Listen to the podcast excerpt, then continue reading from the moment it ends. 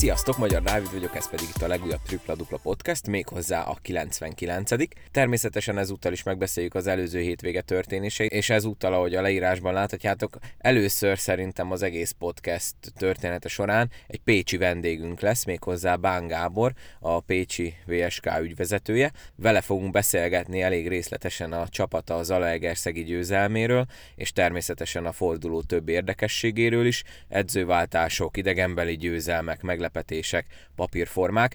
Ezekről fogunk beszélni az előttünk álló nagyjából egy órában. Mielőtt azonban belekezdenénk, hagy mondjam el, hogy természetesen iratkozzatok fel a podcastre abban az applikációban, amelyikben hallgatjátok, legyen ez akár Spotify, Apple Podcast, Google Podcast, vagy bármilyen másik alkalmazás, vagy ha weben hallgatjátok, akkor a www.podbin.com oldalt mindenképp mentsétek el a könyvjelzők közé, és hogy értesüljetek az újonnan érkező epizódokról, az kell még, hogy lájkoljátok a podcast Facebook oldalát, illetve kövessetek Instagramon. Na ennyit a szokásos szolgálti közleményekről, következzen tehát az előző hétvége értékelése Déli Csabával és a PVSK ügyvezetőjével Bán Gáborral. Köszöntöm a Tripla Dupla Podcast hallgatóit, és köszöntöm Déli Csabát. Csaba, szia! Hát ugye megvolt az utolsó forduló itt a nagy válogatott szünet előtt, lesz majd még egy Ose Sopron, amit a 14. fordulóból hoztak elő, úgyhogy most itt lehet beszélgetni erről az előző fordulóról, Ugye született négy vendégsiker, ha jól számoltam, meg volt három hazai, majd nem soká megbeszéljük ezeket a mérkőzéseket. Én rögtön egy olyan kérdéssel nyitnám, mielőtt bemutatom az elti vendégünket, hogy szerinted mit mond el az idei magyar bajnokságról az a tény, hogy mindössze három pozitív mérlegű csapat van a 14-ből, a többiek vagy 50%-on, vagy negatív mutatóval állnak? A Falko abszolút kiemelkedik. A Szolnok most meggyőzött végképp a a, az, hogy körmenden tudott nyerni egy nagyon kiélezett mérkőzésen, ez a két csapat kiemelkedik. A többi, és ezt beleveszem a utolsó helyezett ZT-et, illetve a atomerőműt, bárki bárkit megvárhat bárhol. Most már ezt végképp be kell látni. Ami izgalmassá teszi a, a bajnokságot, de de nem vagyok benne biztos, hogy nem a hőhigulásnak vagyunk a, a, a tanúi. Ezt majd a következő időszak, én, én még várnék ott az a decemberi menettel, hogy véglegesen lássuk, tehát menjen le az első 13 forduló. Én utána szeretnék erről végleges véleményt mondani, de én egy higulást érzek, és szerintem még itt a válogatott szünetben lesznek változások a kluboknak, szakmai stábokban is, illetve a játékos állományban is, hát remélem, hogy erősebbé válik a dolog, és ebből a nagy kagyvaszból, ebből a nagy masszából kiemelkedik még két-három csapat, én nagyon szeretném. Tehát nagyon szeretném, ha kikristályosodna egy elsőt, egy második öt, öt ö, aztán egy utolsó négy, tehát ö, lássuk a, lássuk a előviszonyokat, de a közönség szempontjából ö, ez mondhatjuk, hogy izgalmas. Igen, ugye egész szeptember óta ezt mondtuk, ugye Fofó volt ennek a nagy szószólója, hogy bárki bárkit megverhet, és hát ugye ez a nagy massza, amit te is említettél, annak a eleje fele tanyázik a Pécs ötötös mérleggel, akik ugye egy nagy győzelmet arattak Zalaegerszegen. Talán, ha jól emlékszem, pont azt beszéltük, hogy ha fél időig tudnak ott lőtávolba maradni, akkor a második fél időben ugye a Pécs az nagyon jó idén. Úgyhogy hát az ide, a mostani vendégünk nem is lehetne aktuálisabb, mint Bán Gábor a Pécsieknek az ügyvezetője. Gábor, üdvözöllek itt a podcastben. Először szerintem, amióta van a podcast, először van Pécsi vendégem. Talán még Ruják Andrissal beszélgettem két éve, amikor még nálatok játszott. Üdvözöllek, Gábor! Én is üdvözlök mindenkit, köszönöm szépen a meghívást. Na, hát szerintem elő, mielőtt belekezdenénk a ti meccseteknek az értékelésébe, azzal, amit Csaba mondott így, a, illetve hát a te véleményedre is kíváncsi vagyok, hogy, hogy ez egy elég különlegesen alakuló bajnokság, mert az oké, hogy mondjuk szokott egy-két kiemelkedő csapat lenni minden szezonban, de ez, hogy ennyire összenőve legyen ott a harmadiktól lefelé a többi csapat, vagy inkább akkor a negyediktől, ez eléggé példanélküli. Te hogy gondolod? Hát egyetértek valamilyen szinten.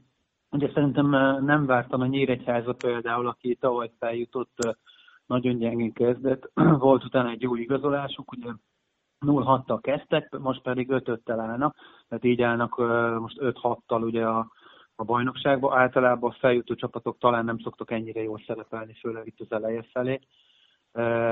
És, és, és ugye a, a legszakadó pár ez a Sopron, a Paks és az Alegerszeg, ez talán nem várt, hogy, hogy ennyire leszakadnak, de valóban nagyon nehézkes és kiegyensúlyozott talán ez a középső 6-7 csapatnak a helyzete. Ahogy a, a Csaba is mondta, szerintem a Falkó az a hat válogatott magyarral tényleg nagyon-nagyon extra teljesítmény nyújt a magyar bajnokságban. A Szolnok szintén, ugye egy vereségük van összesen, de egy meccsel kevesebbet játszottak még, és talán a Kecskemét egy kicsit meglepetés, hogy, hogy ennyire jól szerepelnek, de, de hogy, de hogy ez szerintem ez jót tesz a magyar kosárlabdának, mert hogy, mert hogy ugye nincsen előre eldöntött mérkőzés, hogy most éppen melyik csapat fog nyerni, hanem én is azt látom, hogy épp az aktuális nap vagy a helyzet határozza meg a, a csapatoknak a, a győzelmét, akár ahogy te mondtad a felvezetőben, hogy, hogy ez talán a, a vendég sikerek fordulója volt, vagy a vendégcsapatok fordulója volt ez a mostani, de hogy, de hogy, hogy ezt tényleg nem lehet tudni előre, hogy éppen melyik csapat fog hol jól szerepelni és nyerni. A színvonal egy kicsit szerintem lehetne talán jobb is, de ez szerintem nagyon nehéz így még ebbe a, a, a közeljövőben felvázolni, hogy ez, hogy ez hol fog vezetni, de, de minden esetre szerintem azt, hogy egy meccs nem eldöntött az első perctől fogva, az szerintem nagyon jót tesz a, a kosárlabda sportágnak. Melyik volt számotokra a nagyobb meglepetés ebben a fordulóban? Melyik eredmény az, amire így, így felkaptátok a szemöldökötöket? Gábor akkor kezdte, hogyha már így nálad fejeztük be az előbb. Nyilván most hát a saját meccseteket azt szerintem adjuk ki. Ne, majd ne, arról nem, beszélünk. biztos, hogy nem, biztos, hogy nem. Én szerintem a Szeged győzelme Debrecenbe, mondjuk így fordulók óta lehetett látni, hogy a Debrecen egy jó kezdés után talán megtorpant, a Szeged meg uh, igazából a tavalyi szezonhoz képest is nagyon uh, gyengén kezdett talán. Ugye ott most lemondott a vezetőedzőjük, Szecsko Szekulovics, Simandi Árpád vette át a helyét, talán adott egy, egy új lendületet a csapatnak. Az látszott, hogy, hogy a, az edzőér is, a csapatér is játszik, és játszik a csapat, és mindenki felszabadultan játszott. Ennek az ellenkezője most megtörtént, hogy Debrecenben most ott mondott le a vezetőedző Milenko Topics személyében, úgyhogy talán ez volt nekem, vagy számomra a forduló meglepetésem. Erről is majd beszélünk részletesen természetesen. Csaba, számodra melyik eredmény volt a szemöldök ráncolós? Abszolút a, a, a Szeged Debreceni győzelme. Ezt Tehát, a tévében is lehetett ez... látni, igen, elég meggyőzően játszott a Szeged ahhoz képest, amit láttunk tőlük az eddigi szezonban. Abszolút meggyőzően játszottak,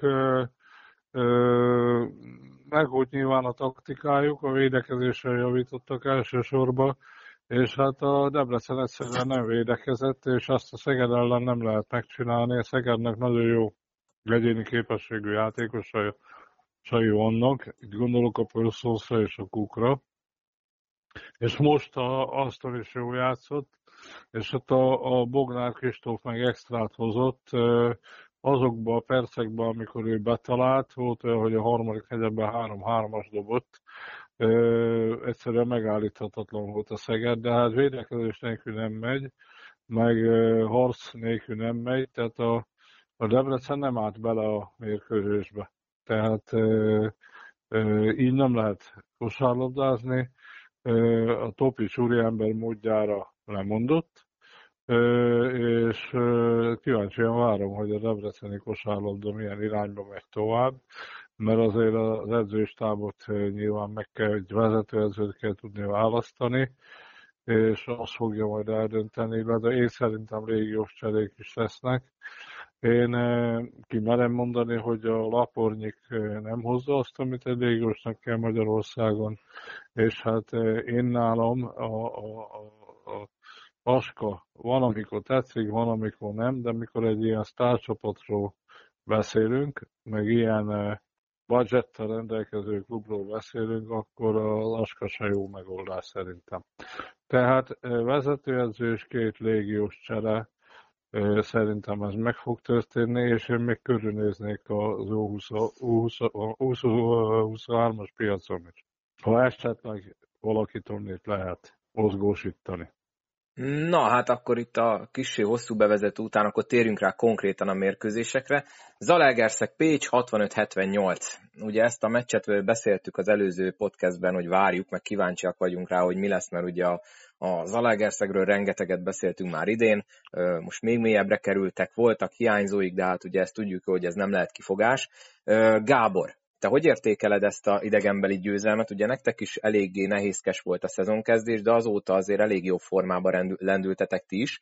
Mm, hogy tetszett, amit láttál a fiúktól Zalaegerszegen, illetve a csapattól? Igen, talán, igen, talán annyi volt nálunk talán a nehézség, hogy ugye a Falkol és a Debrecennek kezdtünk, akkor még szerintem a Debrecen is tényleg ilyen felfelé szálló átban volt, akkor uh, jó játszottak ellenünk, és a Falkóba pedig idegenbe kikaptunk, tehát hogy tényleg rosszul kezdtük a, a bajnokságot, de a Muzeta meccse, hogy a, igazából az első fél, de ugye személyesen ott voltam, élőben láttam a mérkőzést, talán azt lehet mondani, hogy nem volt egy, egy, egy valami fényes játék egyik csapat részéről se, ami, ami az első féldőben zajlott. A második féldőben be talán mi egy kicsit szigorítottunk a védekezésen, és a végén az etének volt 20 eladott labdája, nekünk meg csak 8, és talán rányomta a bélyegét a, a mérkőzésre a későbbiekbe, és akkor meg tudtuk fordítani a második félidőben a mérkőzést, de hozzá kell tegyem, hogy, eh, hogy ugye az etében nem játszott két kulcsember, két kulcslégiósuk, tehát hogy eh, valamilyen szinten könnyebb dolgunk volt, mint hogyha a komplet csapattal álltak volna föl mi minden győzelmnek örülünk, tehát hogyha, főleg, hogyha idegenbe szerzünk egy győzelmet bármely csapat ellen, mert hogy az szerintem súlyozottan számít a, a mostani, a jelenlegi bajnokságba. Úgyhogy összességében ennyi. Örülök, hogy győzött a csapat, vagy a csapatunk, de, de nem értékeljük túl a, a, a teljesítményt. Fontos láncszem, hogy, hogy az etét sikerült megverni idegenbe, mindig nehéz nyerni szerintem, és nagyjából ennyi, ami az etemeccel kapcsolatos. Csaba, ha jól tudom, te is ott voltál ezen a mérkőzésen, ezt is élőben tekintetted meg. Te mit láttál ahhoz képest, amit előzetesen vártunk itt a múltkori beszélgetés során, és mit kaptál ahhoz képest? Nagyon kérdéses volt a mérkőzés előtt, hogy ki tud játszani.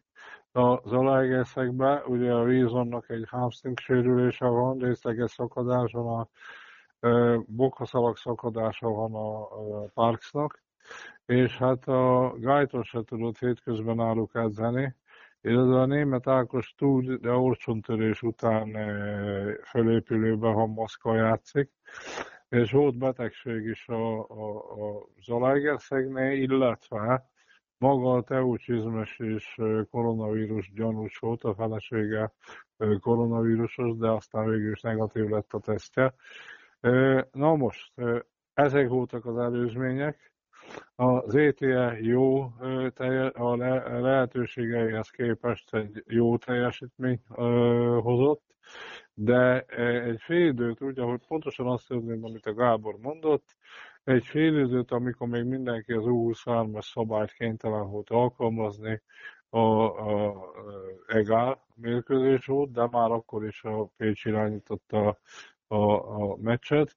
Aztán, amikor csak a felnőttek játszottak a második félidőbe, akkor lépésről lépésre nagy fölényt eh, harcolt ki a Pécs, és ahogy az ETL hátrányba került a Pécs, eh, nem engedte ki a kezéből már győzelmet. Eh, nagyon jó teljesítményt nyújtottak a, a, a Pécsnek a, a légiósai.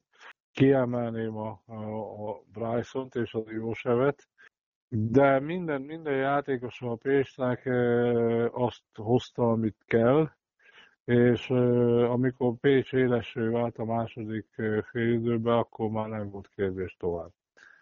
Na most az ETL-nek a, a Pécs szépen épül, egy rendkívül bős döntést hoztak, hogy hoztak ötödik légióst. Én tudom azt, hogy nem ez volt a tervük, ők ragaszkodtak volna a programjukhoz, de sajnos itt a U23-as poszton ugye a meleg, aki a legjobb játékosuk ezen a poszton megsérült, és pótolni kellett. Tehát se számba, se magasságban nem voltak meg, nagyon jó pótolták, minden dicséretet megérdemelnek, ötötte állnak, és most a következő időszak fogja eldönteni majd azt, akár lehet csatlakozni a felsőházhoz, én, én azt gondolom, hogy nagyon stabilan ki fogják harcolni a középházat, és harcba lesznek a felsőházért is. Ezért gratulálok nekik, mert jó döntéseket hoztak. Ez a vezetőségük jó döntéseket hozok, és folytassák. Gábor, ennyi dicséret után, ha azt mondom, Köszönjük hogy szépen. ugye mi itt a podcastben nagyon sokszor, főleg ugye Csabáik hangsúlyozták, hogy talán a Pécs az egyik, akit a legjobban sújt ez az 23-as szabály. Te hogy gondolod, és akkor így egy kicsit a Gergőről is mondj már valamit, hogy ő vele mi újság, mikor lehet őt esetleg újra pálya közelben látni? Hát igen, ő, ő ugye az, az alapozás közben szeptember 11-én megsérült, annyira nem súlyos a sérülés, tényleg nagyon fokozatosan és normálisan szeretnénk újra beállítani a játékba, ugye elkezdett most futni, van még most egy három hetünk, hogy, hogy újra fölépülve a, a pályára tudjon lépni. Ugye tavaly is ő volt egy meghatározó játékos az U23-as keretben, most egy kicsit úgy van, hogy próbálkozunk, hogy ki az, aki, aki oda tud érni esetleg, és, és stabil lehet, mint amilyen a Gergő volt a, a tavalyi szezonban. És ezért, ahogy a Csaba is mondta, ezért kellett döntenünk úgy, hogy, hogy belenyúlunk és hozunk egy ötödik légióst is. Remélhetőleg már a, a, a december 11-i oroszlány elleni meccsen újra tud játszani a Meleg Gergő. Jól halad tényleg a felkészülése és akkor talán újra tud dobni egyet az U23-as szabályos fiatalokon is, és akkor ott megint nem tudom, versenykényszerbe lesznek a fiatalok, de, de tehát, hogy kvázi nálunk is vannak fiatalok, esetleg tehetségesek is, csak szerintem még nem jött ki annyi belőlük. Ugye mi hoztunk pár fiatalt ebbe a szezonba, akik teljesen újak jelenleg itt a, a, a PVSK Veolia csapatába, és őket is szép lassan be kell építeni. Ahogy a Meleg Gergőt tavaly sikerült, ugye szép lassan beépíteni most a többieket is. De ha Gergő visszatér, szerintem akkor megint talán az 20-as szabály miatt is egy löketet kapunk, és nem az lesz, hogy az első fél időben esetleg elmegy az ellenfél, és onnan kell visszakapaszkodni a mérkőzésekben. Egyébként ugye a Pécsel kapcsolatban mindig nagyon sokszor előkerül, hogy hát ott van az a államilag kiemelt, vagy nem is tudom milyen pozícióba helyezett akadémia. Ezt tegyük már egy kicsit tisztába ugye a hallgatók számára, Gábor légy szíves, hogy aki ugye nem tudja. Tehát a, a Rádgéber féle akadémia az nektek semmi közöttök nincs, ugye? Tehát most aki azt nincs, hozza fel, hogy miért nem, miért nem érkezik a sok tehetséges pécsi fiatalod a felnőtt csapatba, az azért van, mert hogy nem egy és ugyanaz a két csapat. Igen, teljesen más. Tehát teljesen más. Van egy kiemelt akadémia, a Rádgéber féle kiemelt akadémia egy Pécset, ugye van négy az országba. Ne, nekünk van egy saját bázisunk, vagy műhelyünk, mi is akadémiai szinten képezzük az utánpótlást itt a PVSK-ba, ez kifejezetten csak a PVSK-ba, és oldalágról jönnek még fiatal tehetségek, és, és ebből próbálunk mi gazdálkodni. Semmi közünk az ilyen szinten a, a Rádióbar Akadémiához és mennyire veszitek észre így a helyi konkurenciát, tehát mennyire nehéz az esetleg mondjuk iskolákból, általános iskolákból a tehetségesnek tűnő fiatalokat magatokhoz csábítani, vagy igazából elég nagy versenyhátrány, hogy egy államilag kiemelt akadémia, akadémiával osztoztok a pécsi piacon? Hát valamilyen szinten biztos, hogy versenyhátrány, és valamilyen szinten versenyelőny talán jóval több helyi pécsi játékos van, mint, mint esetleg nála, de még kiemelt akadémiáknak talán más szerepet szántak a, a sportákba, hogy mindenhonnan oldalágról jönnek a játékosok, és akkor ők játszák a, a, a kiemelt akadémiákban a, a korosztályokat. De, de mi próbálunk, mondom, saját bázissal rendelkezni, ami valamilyen szinten sikerül is, talán inkább a, nem is az, hogy most a toborzás, vagy nem, hanem, hanem kvázi most két ö, teljes korosztály ki, kimarad, vagy kimaradt a, a Covid miatt, ugye a pandémia miatt, mert hogy nem lehetett toborozni igazából, nem lehetett be, bemenni az iskolákba, talán ezt meg kieveri a, a, a sportág is, de nem csak a kosárlabdában, szerintem ez minden, mindenhol a világ tendencia lesz, hogy korosztályok fognak kimaradni most, vagy túl későn kezdik el a, a, a, a gyerekek a kosárlabdát, vagy nem lesznek olyan szinten, amilyen szinten kellene, hogy legyenek. Ezek a 8 és 12 év közötti korosztályról beszélek most. Talán áthidalható lesz a későbbiekbe, de hogy ez, de hogy ez egy nem könnyű feladat, igen. Mielőtt rátérünk a további mérkőzésekre, ugye ötöttel álltok ott a mezőny közepén, otthon van 2-2-es mérleg, idegenbe 3-3, tehát egyelőre tökéletes 50%-on álltok. Mennyire vagy elégedett így minden körülmény tudatában így? Hát majd, majd nem itt a fél időben, de ugye egy hosszabb szünet előtt így az eddigi szerepléssel. Hát elégedett. Ugye van egy, egy mérkőzés, ami talán egy kicsit ilyen szívfájdalom számomra, mert a, az elmúlt héten ugye Kaposvára játszottunk hazai pályán, az nálunk mindig egy derbi, hogyha szabad így fogal, fogalmaznom, mint nem tudom, a délszláv kosárlabdában egy Partizán Zvezda, vagy a spanyol fociba egy Barcelona Real Madrid mérkőzés. Mármint ez a derbi szóra értem, nem arra, hogy mi ilyen szinten kosárlabdázunk jelenleg de, de hogy az, az egy kicsit fájó, mindig jó nekünk is Pécsikén Kaposváron nyerni, vagy a kaposváriaknak Pécset nyerni. Talán ez az egy mérkőzés, ami így, így kilóg egy kicsit a, a sorból, ami talán meg is lehetett volna, de annak ellenére normális, és, és, és elégedett vagyok. Jó volt, hogy akkor léptünk és hoztunk egy ötödik légióst, mert hogy elindultunk fölfelé talán, hogyha ezt, eh, ezt a, az ütemet és ezt a fajta fejlődést tudjuk eh, tartani, akkor szerintem ugye három meccs van vissza még a nagy szünet után az alapszakasz feléből, akkor hogyha nyolcból vagyunk, akkor ugye az automatikusan azt jelenteni, hogy magyar kupában tudunk indulni.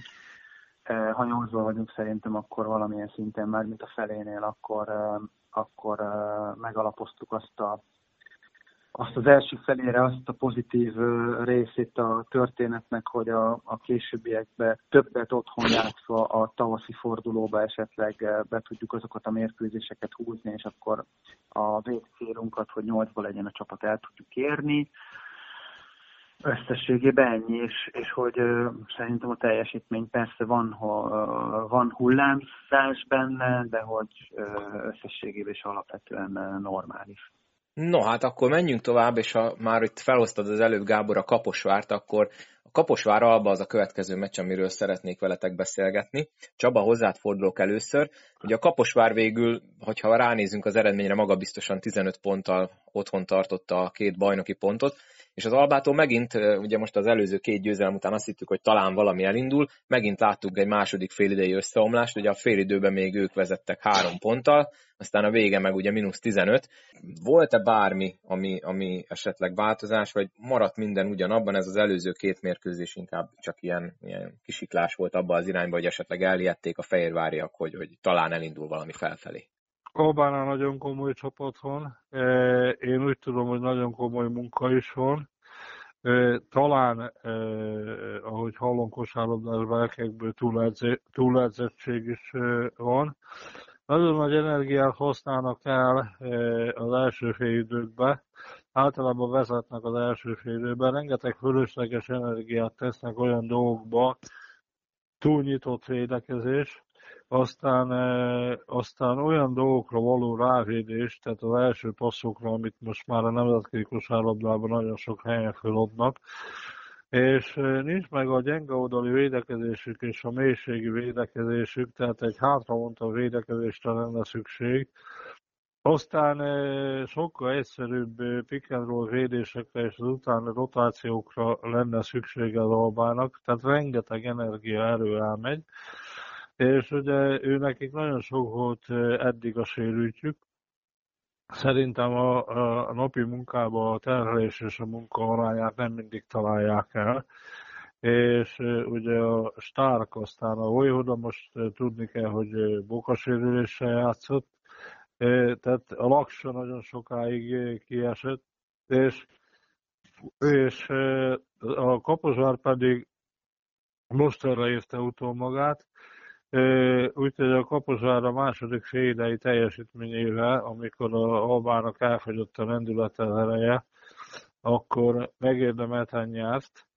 Én a Kaposvárt ugye egy, egy abszolút a négy légiósára épülő, építő csapatnak érzem. A, az U23-as szabálynak ugye megfelel a Blazer tudásba, tapasztalatba, mindenbe.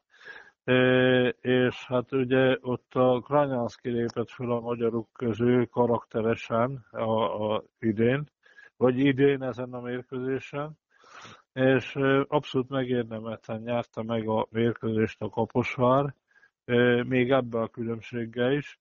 A Albánál, Albánál nyilván megvizsgálják a szituációt, próbálnak javítani, változtatni. Én az Albából akár kinézem azt is, hogy még bármit is nyerjen a, a, az idén. Ugye ott még egy ötödik régiós, hogyha megfelelően választanak ki, illetve azokat a hibákat. Tehát őnáluk sok munka lett vele ez biztos, talán túl sok is. Én még túlegyzettségre is gyanakszom, Na most ő belőlük lehet még egy nagyon komoly versenyképes csapat. De a Kaposvár abszolút megérdemelten nyerte meg ezt a meccset most. Gábor, nem tudom, hogy te mennyire követted itt a többi mérkőzést a fordulóban, ugye egy GM-ként gondolom azért tisztában vagy a többi ö, csapat helyzetével, főleg ugye a rivális Kaposvár. Ugye ők is ugyanúgy állnak, mint ti ötötös mérleggel, te így mit láttál ettől a két csapattól eddig ebben a szezonban, ami így, mint ugye versenytárs, így feltűnő? Annyi, annyi, hogy én tényleg a Kaposvár meccset én nem néztem vissza, vagy nem néztem meg, nem, vagy nem láttam élőben se, vagy nem láttam a közvetítésre, de hogy ugye szerintem a Kaposvár az a, tényleg a múlt hét, már mint a korábbi hét péntekéhez képest, amikor velük játszottunk november 5-én, akkor tényleg egy lendületet kaptak, mert előtte meg hazai pályán kikaptak otthon a Nyíregyházától, aki most igaz, hogy feljövőben van, de azért mégiscsak egy feljutó csapatról beszélünk. És, és, és az szerintem náluk nem volt elvárható, hogy ott hazai pályán kikapják a, kikapjanak a, a, a Nyíregyházától. Uh, nálunk szerintem a Kaposvár kapott egy lendületet, ezért is állt bele, és hogy a, a csapat fogalmazott, hogy talán valamiért a második fél az Albánál nem túl uh, jól működő képes rendszer, mi vagy azt láttuk, hogy, hogy, hogy ellenünk is a második féldőbe tudtuk megfordítani a mérkőzést, és a Kaposvár szerintem ezzel a lendülettel átment az Albán, ahogy átment rajtunk is mondjuk egy héttel korábban. Én ezt tudom mondani a, a, a, Kaposvár albamásról, hogy mit hoz a jövő, azt én nem látom egyenlőre, én nem akarok ilyen mélységű szakmai dolgokba belemenni, amilyenbe a csapa belement, hogy túledzettség és, és játékos cserék és játékos uh, sérülések, de hogy, de hogy szerintem megint csak az jött ki, hogy ezen a napon például a Kaposvár jobb volt, mint az Alba, jobban fókuszáltak, jobban koncentráltak a második félidőbe, és, és ezért tudtak felülkerekedni az Albán. Menjünk is akkor tovább. Érintettük már ugye a Deat Szegednél, hogy ugye az egyik csapat edzőváltás után megtátosodott, a másiknál pedig most következett be az edzőváltás. Ugye ezt lát, láthatták tévében is, akik nézték, ugye, hogy a Szeged nagyon lesimázta, főleg a, a harmadik negyedtől kezdve a, De, a Deacot.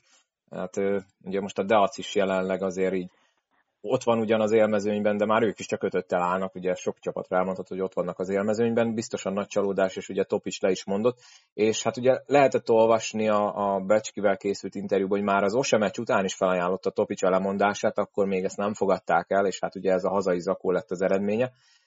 Ugye a meccsről már röviden beszéltünk az elején, Csaba, szerinted időben meghúzták itt ezt az edzőcserét, vagy már lehet el kellett volna fogadni előzőleg is? Mi, mi, lehet, mert gondolom a Deacnál ez hatalmas csalódás, hogy tíz meccs után ötöttel állnak.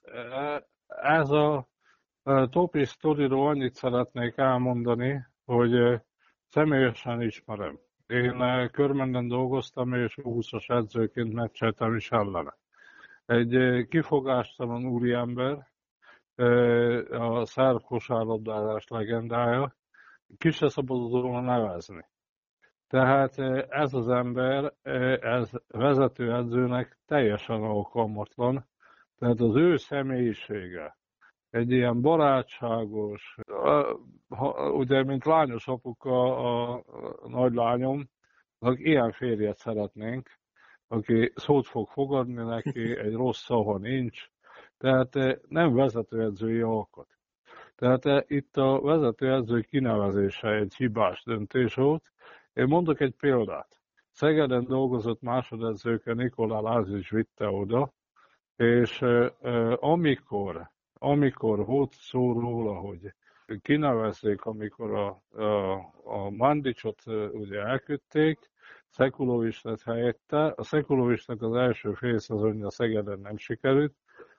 A szegedi vezetőség nem merte a Topicsot úgy, hogy ismerték kinevezni vezetőedzőnek. Szegeden. Most a Debrecen a tavalyi szerintem szenzációs szezonjuk után, a Debrecen tavaly nagyon-nagyon jó kosárlabdát játszott, és azt mondták, hogy a Kovács Adrián helyét másik edzőke, és előbbre akarnak lépni. Hát szerintem, szerintem nem volt egy jó döntés, be is bizonyosodott ez. Na most kíváncsi leszek a Debreceni vezetőség, hogy megy tovább Szerintem levonják a következtetést, és én óva intek minden vezetőt attól, hogy olyan, tehát ő, Topics, soha életében nem volt sehol vezetőedző. Tehát, hogy a magyar bajnokság erős, és akármilyen világbajnokról van szó, ne kísérletezzük. Tehát ne kísérletezzük, nem, nem szokott ez bejönni. Tehát akkor inkább olyan edzőt kell alkalmazni, akit ismerünk, vagy aki már letett valamit a nemzetközi kosárlabdába az asztalra. A magyar bajnokság azért erős, a térségben az egyik legerősebb bajnokság, és nem szabad ilyeneket csinálni. Nyilván ebből a debreceni vezetők, akiket én nagyon tisztelek, tanultak, és meg fogják oldani ezt a problémát. Kíváncsi lennék ilyenkor, mit gondol például egy Kovács Adrián, mert ugye őt egy tavalyi sikeres szezon után kvázi elküldték ugye nyáron, hogy előrébb akarnak lépni, most ugye külföldön segédedző. Ugyanez volt ugye Forrai Gáborral, Fofóval, ugye őt is az Albától elküldték, ott se állnak túl jól a, a dolgok, szóval ugye erről is beszéltünk korábban, és akkor Gábor itt szúrnálak betéged egy kérdéssel, hogy ugye kinevezik ezeket a külföldi edzőket a vezetők, és ugye te is, mint GM, ugye nyilván Dragan Alexic egy másik tészta, mert ő ugye emberemlékezet óta Magyarországon van, ugye volt is korábban kötődése hozzátok a Pécshez, de te mit gondolsz erről így ügyvezetőként, hogy, hogy mi az oka annak, hogy jönnek ezek a külföldi, mint látható, bajnokságot nem ismerő, vagy, vagy korábbi vezetőedzői tapasztalattal nem rendelkező edzők, akiket ugye nem csak egy úgymond középcsapat padjára, hanem egy kimondottan bajnoki, címeket, bajnoki címet hajszoló csapat élére kineveznek, és hát ugye ebből nem is egyet, hanem többet látunk idén a bajnokságban. Nagyon nehéz kérdés, hogy most akkor a csapatok milyen edzőt neveznek ki. Talán nálunk ugye az Alexic, Dragan Alexic esetében más volt a helyzet, mert ugye négy évet kosárlabdázott a PVSK-ba, utána azért a Szolnokon négyszeres magyar bajnok, négyszeres kupagyőztes, tehát hogy megvan az a pedigri, ami miatt belemertünk nyúlni, ismerte a várost, ismerte a PVSK-t, ismerte a, a vezetőket, tehát hogy, hogy nem egy teljesen vadidegen helyre jött. Talán én azt látom, hogy hogy nincs annyi minőségi jó magyar edző, vagy, vagy nem adnak a csapatok nekik akkora bizalmat, mert hogy az egyik oldalról minden csapat szerintem sikeréhes, és, és hajszolja a sikert valahol, amit megkövetel tőle a, a tulajdonos, a vezetőség, és mindenki, és a szurkolótábor és mindenki és talán ezért van az, hogy, hogy néha nem engedünk magyar edzőket se hosszú távon jól teljesíteni, vagy, vagy tényleg megnézni, hogy, hogy mi valójában mire képes, de hogy miért, miért van ennyi külföldi, miért, miért a külföldiek felé nyúlunk, mint csapatok, mondom, talán nincs annyi, meg, meg hogyha még lenne is, akkor néha nem merik elvállalni a magyar edző mert hogy akkor nem tudják, hogy mi lesz a következménye. Lehet, hogy ő is arra a sorsa jut, hogy két-három hónap múlva, vagy a szezon közepén, végén lecserélődik és hoznak helyett egy újat. De mondom, van, van rá másik és jó példa is, hogy magyar edzőt neveznek ki, és, és hosszan annál a csapatnál van, vagy most például a Szegedbe magyar edzőt neveztek ki, lehet, hogy megbízottként, de lehet, hogy véglegesítik, vagy véglegesítették a Simándi Árpit, és hogy ő lesz az edző, tehát hogy, hogy ez is benne van. Ez szerintem, mondom, túlságosan, én azt látom egy kicsit a kosárlabda sportág is, de, de a többi sportág is Magyarországon kicsit elanyagiasodott, és nincs előtérbe helyezve maga a sport, hanem csak a siker és csak a, csak a büdzsé, és csak az, hogy minél jobb eredményt érjünk el mindenáron. Valamilyen szinten kell is, mert az eredmények kellenek, tehát hogy nehogy azt gondoljuk, hogy akkor 100 milliókat kidobhatunk az ablakon, hogyha ha nincs siker, a, a, a, akkor is az valamilyen szinten elfogadható, nem elfogadható. Ezt kell valahogy jó, jól irányítani, jól kezelni, de hozzáteszem, hogy nem egyszerű. És szerinted a, a kosárcsapatok vezetőinek a, az agyában még mindig él ez a dolog? Ezt talán egyszer Fofó egy korábbi adásban felhozta, hogy, hogy hát, hogyha külföldi, akkor az csak jobb lehet, mint egy magyar, hogy ez a beidegződés még meg lehet így a vezetőknek a, az elméjében. Én nem gondolnám például, hogyha csak magamból indulok ki, és tényleg jóban vagyok, meg sokat beszélek a, a, a többi csapat vezetőjével is, nem gondolnám, hogy ez így benne van teljesen a, a, az agyakba, vagy a, vagy a gondolkozásba. Lehet, hogy tudat alatt benne van valahol, és amit a Csaba is mondott, hogy lámlám egy legendát tudunk leigazolni Milenko Topic személyébe, aki a, a szerb kosárlabdának az egyik tényleg csillaga és legendája volt a maga módján, és, és hogy akkor ez, ez mennyire jó lehet majd a csapatnak, és nem gondolnak bele, hogy például amit a Csaba is mondott, hogy nem volt vezetőedző sehol, de mondom, megvan ennek az ellentétje is, hogy kineveznek egy, nem, soha nem volt vezetőedzőt vezetőedzőnek, és onnantól kezdve valami elindul, hogyha esetlegesen hagyják dolgozni azt az illetőt, hogy, hogy elindulhasson, de, de mondom, szerintem nem biztos, hogy csak ez van benne, hanem, hanem én azt is látom, hogy talán nincs annyi vagy, vagy éppen annyi magyar edző, aki, aki mindenféleképpen, mindenáron szeretne vinni a csoportos csapatot. Tehát, hogyha, hogyha én ezt látnám Magyarországon, hogy már pedig minden akadémiában jelentkeznek az edzők, hogy ő, ő, ő már végigvitte a 16-18 U20 vezetőedző volt, és ő mindenáron felnőtt edző szeretne lenni, én, én nagyon keveset ismerek ilyet. Magyarországon míg például a környező délszlávoknál, vagy, vagy a többi országokban ez, ez, egy, ez egy bevett gyakorlat, hogy igen, végigjárta a ranglétrákat, és onnantól kezdve számítanak rá. De utána meg kell lenni annak a bizalomnak is az edző és a csapat között, hogy akkor hagyják dolgozni legalább pár szezont, hogy akkor tényleg kiderüljön. Néha nincs erre idő, hogy hagyják dolgozni pár szezon, mert hogy azonnal eredmény kell. Tehát, hogy ez egy nagyon éles mesdje talán ez volt itt a kulcs, amit a végén mondtál, én is pont ezt akartam mondani, hogy talán a legnagyobb ellenség az edzőknek az eredménykényszer és a türelmetlenség, ami itthon olykor kritikus méreteket ölt. Hát igen. Na, ugorjunk tovább szerintem, akkor ezt megbeszéltük. Kíváncsian várjuk, hogy Simándi Árpád marad-e meg, hogy mit tudnak majd a szünet után. Pont a nagy lendületben lévő Nyíregyházával fognak otthon meccselni Szegeden. Hát kíváncsian várjuk, szerintem ezt mondhatom a ti nevetekben is. Na, következzen a következő, a forduló egyik rangadója, hanem a legnagyobb rangadója, hogy a piros-fekete csörte körmenden a Szolnok tudott nyerni, 11 ponttal maga biztosan, igazából végig kontrollálva. Hát én most így személyesen azt mondom, hogy kár, hogy azért nem ezt adta a tévé, mert jó kis mérkőzés lehetett, amennyit én így láttam belőle.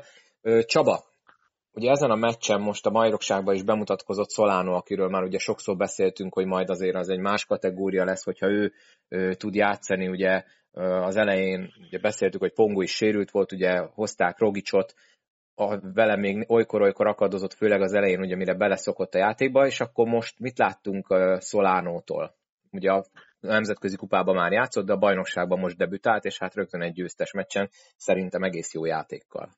A Solano kiismerhetetlen játékos, a különleges kolosz is, majdnem ugyanazt a szintet fogja tudni képviselni, amit tavaly az Angelo Horner képviselt. A szolnoknak egyértelmű, hogy öt nagyon jó légiósa van.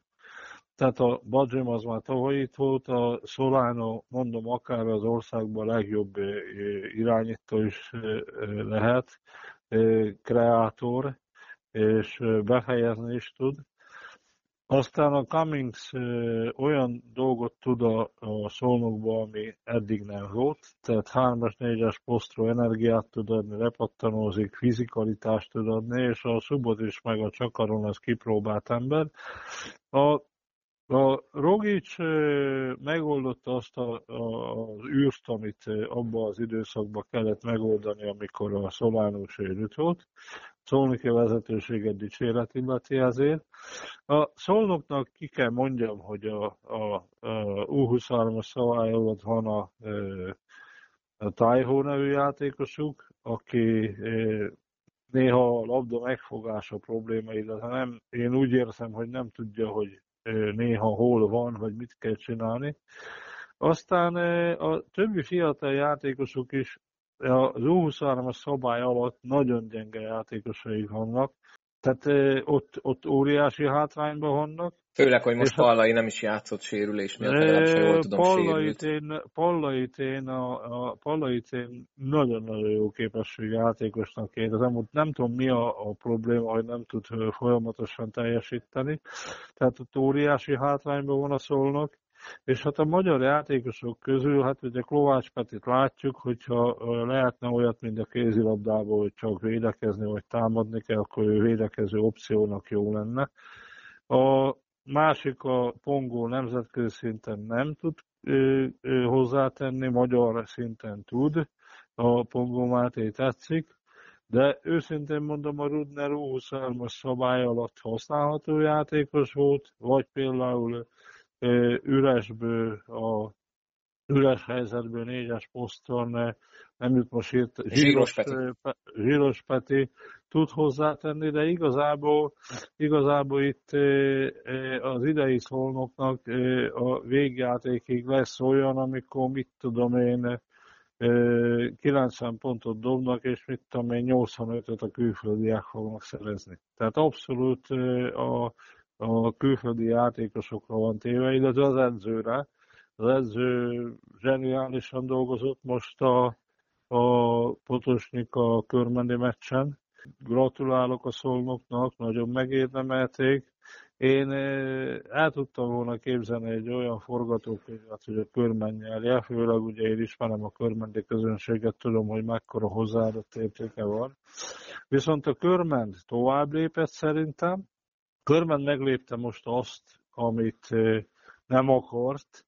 A Körmennél ugye volt tavaly egy 20-as bajnokcsapat, akik tudtak, meg tudták nyerni az 20-as bajnokságot, de nem alakult ki belőlük egyetlen egy olyan egyéniség se, aki stabilan tud hozzátenni a csapat játékához. Szóval van nekik a Fepu, ott van a Kivácsovics, Márko, ott van a Durázi, ők négy légiósra akartak menni. Nemes a szándék, de be kell látni, hogy ez nem működik. Meglépték az ötödik légióst a körment, tehát most lesz nekik a Gordon, aki eddig új sérülésre bajlódott, egy nagyon jó ötös, mozgékony ötös. Igazoltak most egy négyest, ami óriási luk volt a csapaton belül. Ez a játékos, ez a Harry, aki jött, ez tökéletes prototípus az, ami a körbennek kellett, és van nekik ugye a Szávics, van a Fepu, van a két amerikai hátvéd, és én ott Akás Kristófot menedzselném egyértelműen a, a, a fiatal szabály alatt, és a második szándékból Kismocsit hoznám nyilván limitált perceket, Akás Kristófnak adnék teljes zöldutat, és a körmendígy én, én nálam a mostani ötlégiósos fölállásával szerintem top csapat lesz, és egyértelműen felsőházas csapat lesz. Én nekem már így jött le a szolnoki mérkőzés, szolnok egyértelműen megérdemelte, a, a Körmend nem jó taktikát választott a védekezésbe, illetve a Körmend dolgozott hétközben, és ez az új megerősített kerete szerintem egy, egy első ötbe fognak végezni, akár négybe is juthatnak. Annyit még hozzáteszek, hogy ugye a Henry jött, de a Gerett ment, Franciaországból kapott visszautasítatlan ajánlatot, most szó szerint idéztem.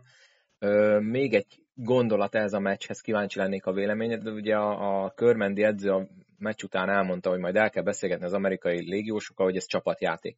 Tehát itt tizedik forduló után még erről kell beszélgetni légiósokkal, ez, ez nem túl bizalomgerjesztő. Teljesen, én, én ismerem a edzőt, teljes kamuszöveg volt. Ő száz százalékig az amerikaiakba bízik, és ez csak ugye valószínű ott a VIP-ben, hogy valahol valaki szólt neki, vagy egyéb, ez, ez egyértelműen a közönségnek, meg a médiának szólt ez a dolog. Ő egy ciprusi ember, aki a Cipruson ugye 5-6 légiós van egy csapatban, elsősorban amerikaiak, ciprusi játékos nincs. Ők azt tanulták, hogy ők azt tanulták, hogy aki jobb amerikaiakat igazol, illetve ezeket tudja összedolgozni, az lesz a jó edző. Tessék, ott van most négy amerikai, egy szerb, én kíváncsi leszek azért majd, hogy kit fog játszatni. Ő egyértelműen arra megy, hogy ő győzzön, nyerje meg a meccset, illetve mindig az az első számú gondolat, ő egy külföldi edző, akinek az az első számú gondolat, hogy lesz következő szezon is, az ideit hogy tudja sikeresen befejezni, a hétvégi meccset hogy tudja megnyerni, az idei szezont hogy tudja befejezni, és a következő szezonra hogy tudja magát eladni. Nem, bocsánat érte, teljesen természetes folyamatok zajlanak. Én is voltam külföldön edző, a profi kosárlabda erről szól. Na most pont azért probléma az, hogy nincsenek magyar edzők, nincsenek GM-ek, olyanok, akik akarnak határozott szakmai terheket, nincsenek szakmai igazgatók, akik megkövetelik az edzőkön a, a, a fegyelmezett munkát. Tehát itt például pontosan erről van szó, ő addig mesterkedett a, a Tony, amíg megvan az öt légiósa, és ugye megvan neki a FEPU, és most majd nagyon kíváncsi leszek, hogy milyen rotációkat alkalmaz, úgyhogy én ezt egy teljesen kamuszövegnek tartom. Lehet ilyet nyilatkozni, de nem érzem ezt egy őszinte nyilatkozatnak. Gábor, ti majdnem elkaptátok itt a szolnokot, ugye még a, a szezon első néhány fordulójában játszottatok idegenben, és ott is ugye egy nagy második félidei feltámadás volt. Talán az elején említetted, hogy a Falkó szerinted is kiemelkedik. Ugye, hogyha ránézünk a tabellára, az olaj is eléggé ellépett ott a, már a, más, a harmadik helyzet Kecskeméttől. Mm, te mit gondolsz, mennyire lenne meglepetés, ha nem ez a két csapat játszaná a szezon végén a bajnoki döntőt? Most tekintsünk el attól, hogy bármikor közbeért sérülés vagy bármilyen, de ha jelenlegi állapotot nézzük. Hát én is ezt mondom, hogy a hatodik fordulóban játszottunk Szolnokon, ott egy egylabdás meccsen kaptunk ki a Szolnoktól 80-78-ra, de hogy, eh, hogy valóban egyelőre tényleg úgy néz ki, hogy a Falko és a Szolnok az kiemelkedik a, a, a mezőnyből, ugye látszik, hogy a nemzetközibe is ők játszanak most már tényleg évek óta. És szerintem szólnoknak tényleg, hogy a Csoba is mondta, hogy itt tényleg egy, egy jó csapatuk van. Most a, a sűrűsből visszatérő légiósokkal szerintem még, még, még erősödtek egyet. Talán a Körmend az előző évekhez képest egy kicsit hullámzó teljesítményt nyújt vagy nyújtott. Most ez lehetett látni a, a szónoki mérkőzésen is. De hogy én, én, én, én szerintem is várhatóan biztos, hogy az első háromba az, az Falkó szólnak, és a harmadik az nem tudom most jelen pillanatban ki lehetne, de hogy, de hogy ők ott lesznek, az, ha nem jön közbe semmi, és hogyha marad ez a, ez a mostani helyzet, akkor, akkor várhatóan igen, ők lesznek az első háromba, a kettő csapat biztos. Még egy mérkőzés, amiről én előzetesen szerettem volna veletek beszélni, a Nyíregyháza, ugye legutóbb pont egy másik magyar GM, dr. Mácsi Máté volt a vendég, és hát a Nyíregyháza teljesen megtáltosodva újabb győzelmet szerzett, ugye az ötödiket. az Osét győzték le 92-81-re. Na, már elég rég volt bírózás itt a podcastben is, meg úgy általában elég, szerintem elég rég volt már olyan meccs, ami ennyire kiverte volna szurkolókban a biztosítékot. Csaba, te kezd légy szíves. Mennyire jogos az oroszlányiak felháborodása? Mondok egy adatot, 35 büntetőt dobott a Nyíregyháza, 16-ot dobott az OSE. És ugye ez egy 11 pontos vereségnél, az OSE szurkolók elsősorban ugye ők mondták, hogy eléggé egyoldalú volt a fújás. Hát kérem szépen, a, amikor beszélünk a magyar edzői karról, ugye a utánpótlás edzői karról, az akadémiákon való ö, szakmai munkáról, hát elkeserítő a szituáció. De amikor beszélünk a magyar játékvezetői karról, nagyon pozitívnak találom a, a, a főhozatot. Vannak nyilván olyan mérkőzések, amikor nem úgy sikerül a, a produkció, ez egy nagyon nehéz munka.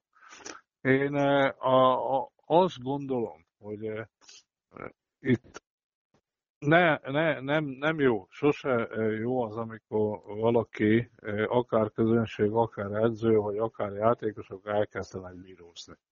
A magyar bírói kar nagyon-nagyon magas, akár nemzetközi színvonalon is tud, tudja vezetni a mérkőzéseket. Nem jó érzés, amikor erről beszélünk. Nyilván, nyilván én is láttam a mérkőzést, voltak nagyon kétes dolgok.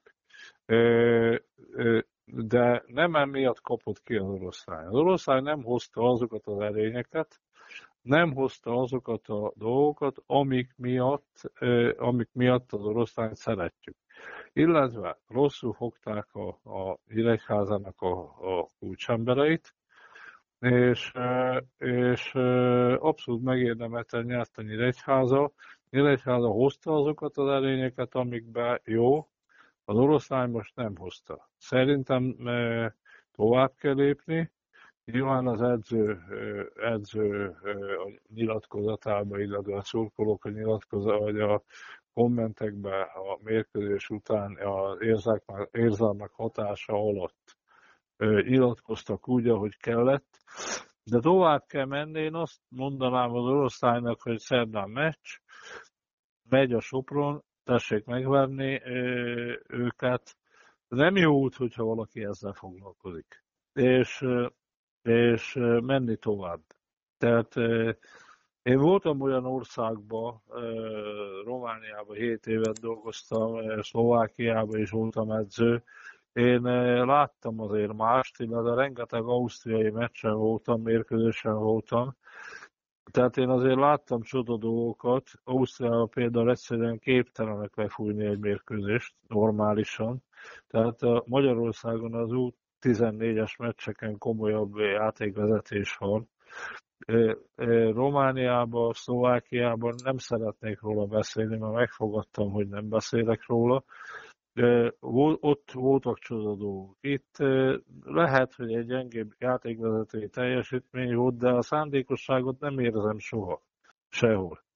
Gábor, te amikor, mint GM ott ülsz a, akár a Páholyba, akár a Kispad környékén, nem tudom, hol szoktál ülni, ott Pécsen vagy idegenbe, Neked szokott-e olyan lenni, amikor úgy nagyon elgurul, hogy, hogy szíved szerint most oda mondanál a bíróknak? Nyilván tudom, hogy ezt ugye nem lehet ilyen pozícióba, de, de itt te hogy, hogy viszonyulsz ezekhez a dolgokhoz, amikor ilyen mérkőzés alakul, hogy, hogy, hogy érzésed szerint egy kicsit úgy elvesztik a fonalat a bírók? Hogy lehet ezt GM-ként kordában tartani?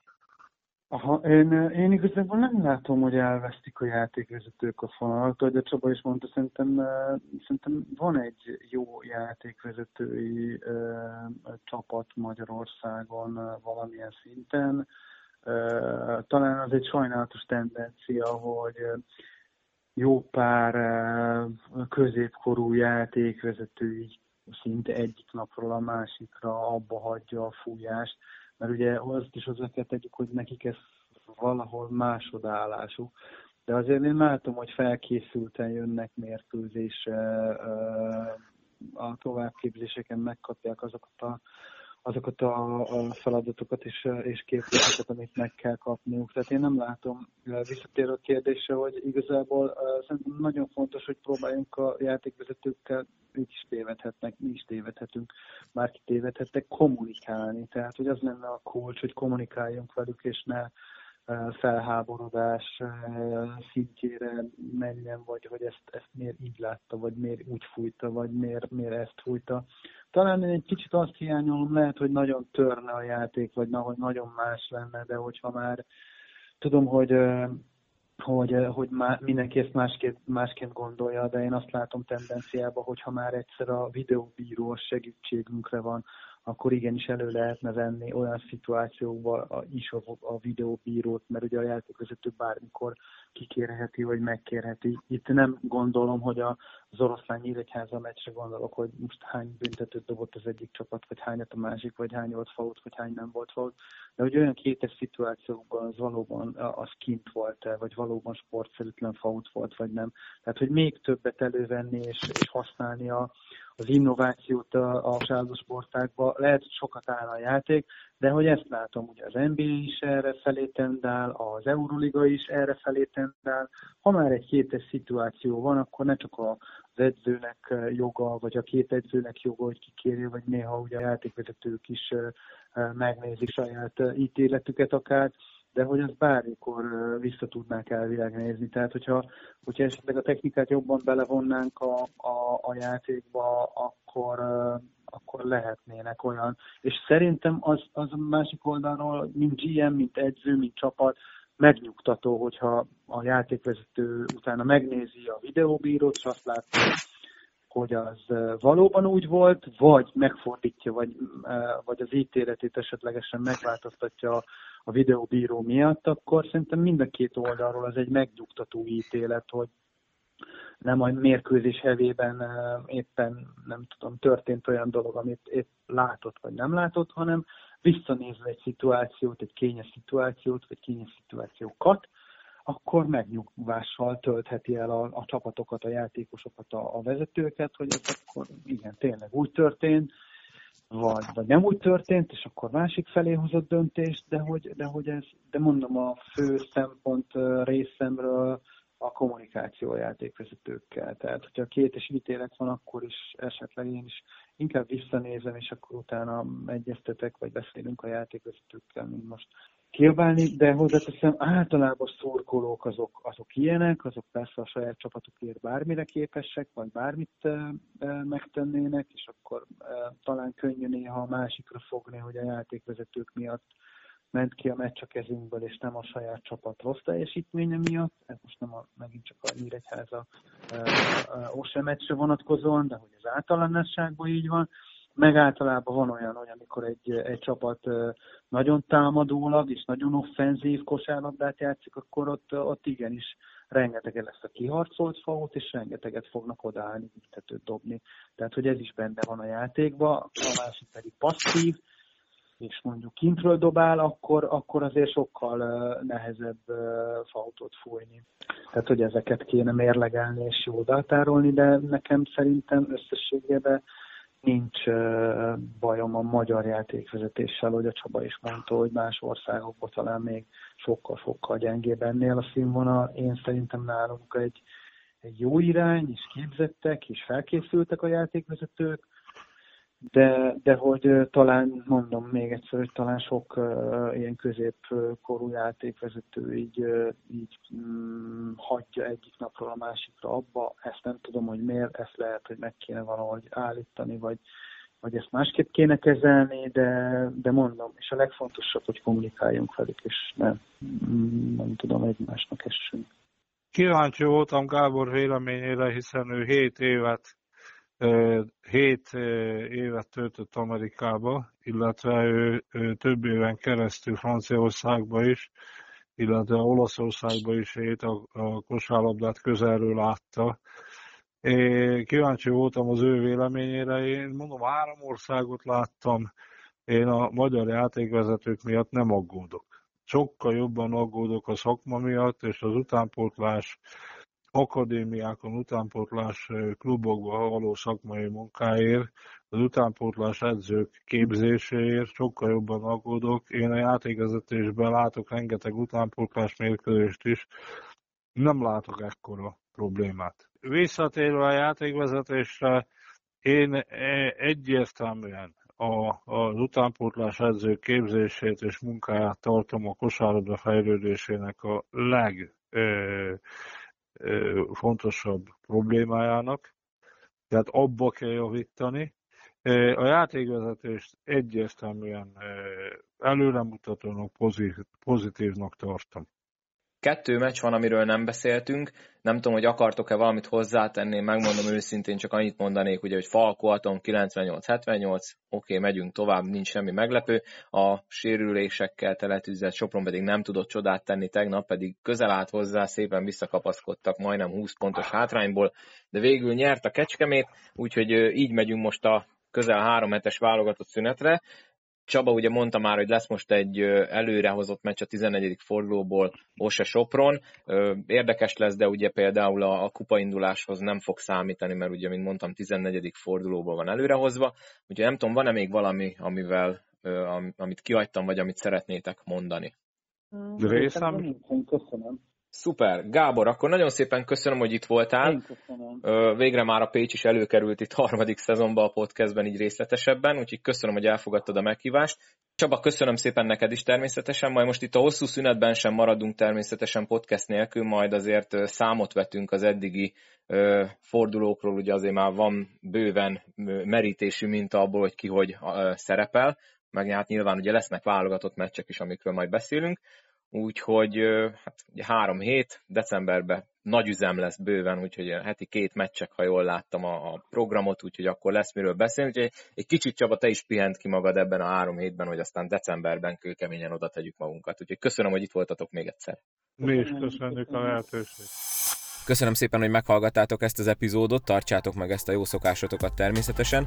Csabának szokás szerint köszönöm még egyszer a segítséget, illetve Bán Gábornak köszönöm szépen, hogy elfogadta a meghívást és itt volt a podcastben. Mindenképp iratkozzatok fel a podcastra abban az applikációban, amelyikben hallgatjátok, vagy mentsétek el a www.podbin.com oldalt a könyvjelzők közé, és ahhoz, hogy értesüljetek, még az kell, hogy lájkoljátok a podcast Facebook oldalát, illetve kövessétek az Instagramon a podcastet. Még egyszer nagyon szépen köszönöm a figyelmeteket, így 99 egyére is találkozunk legközelebb a századik epizódban, azt mindenképp hallgassátok majd meg.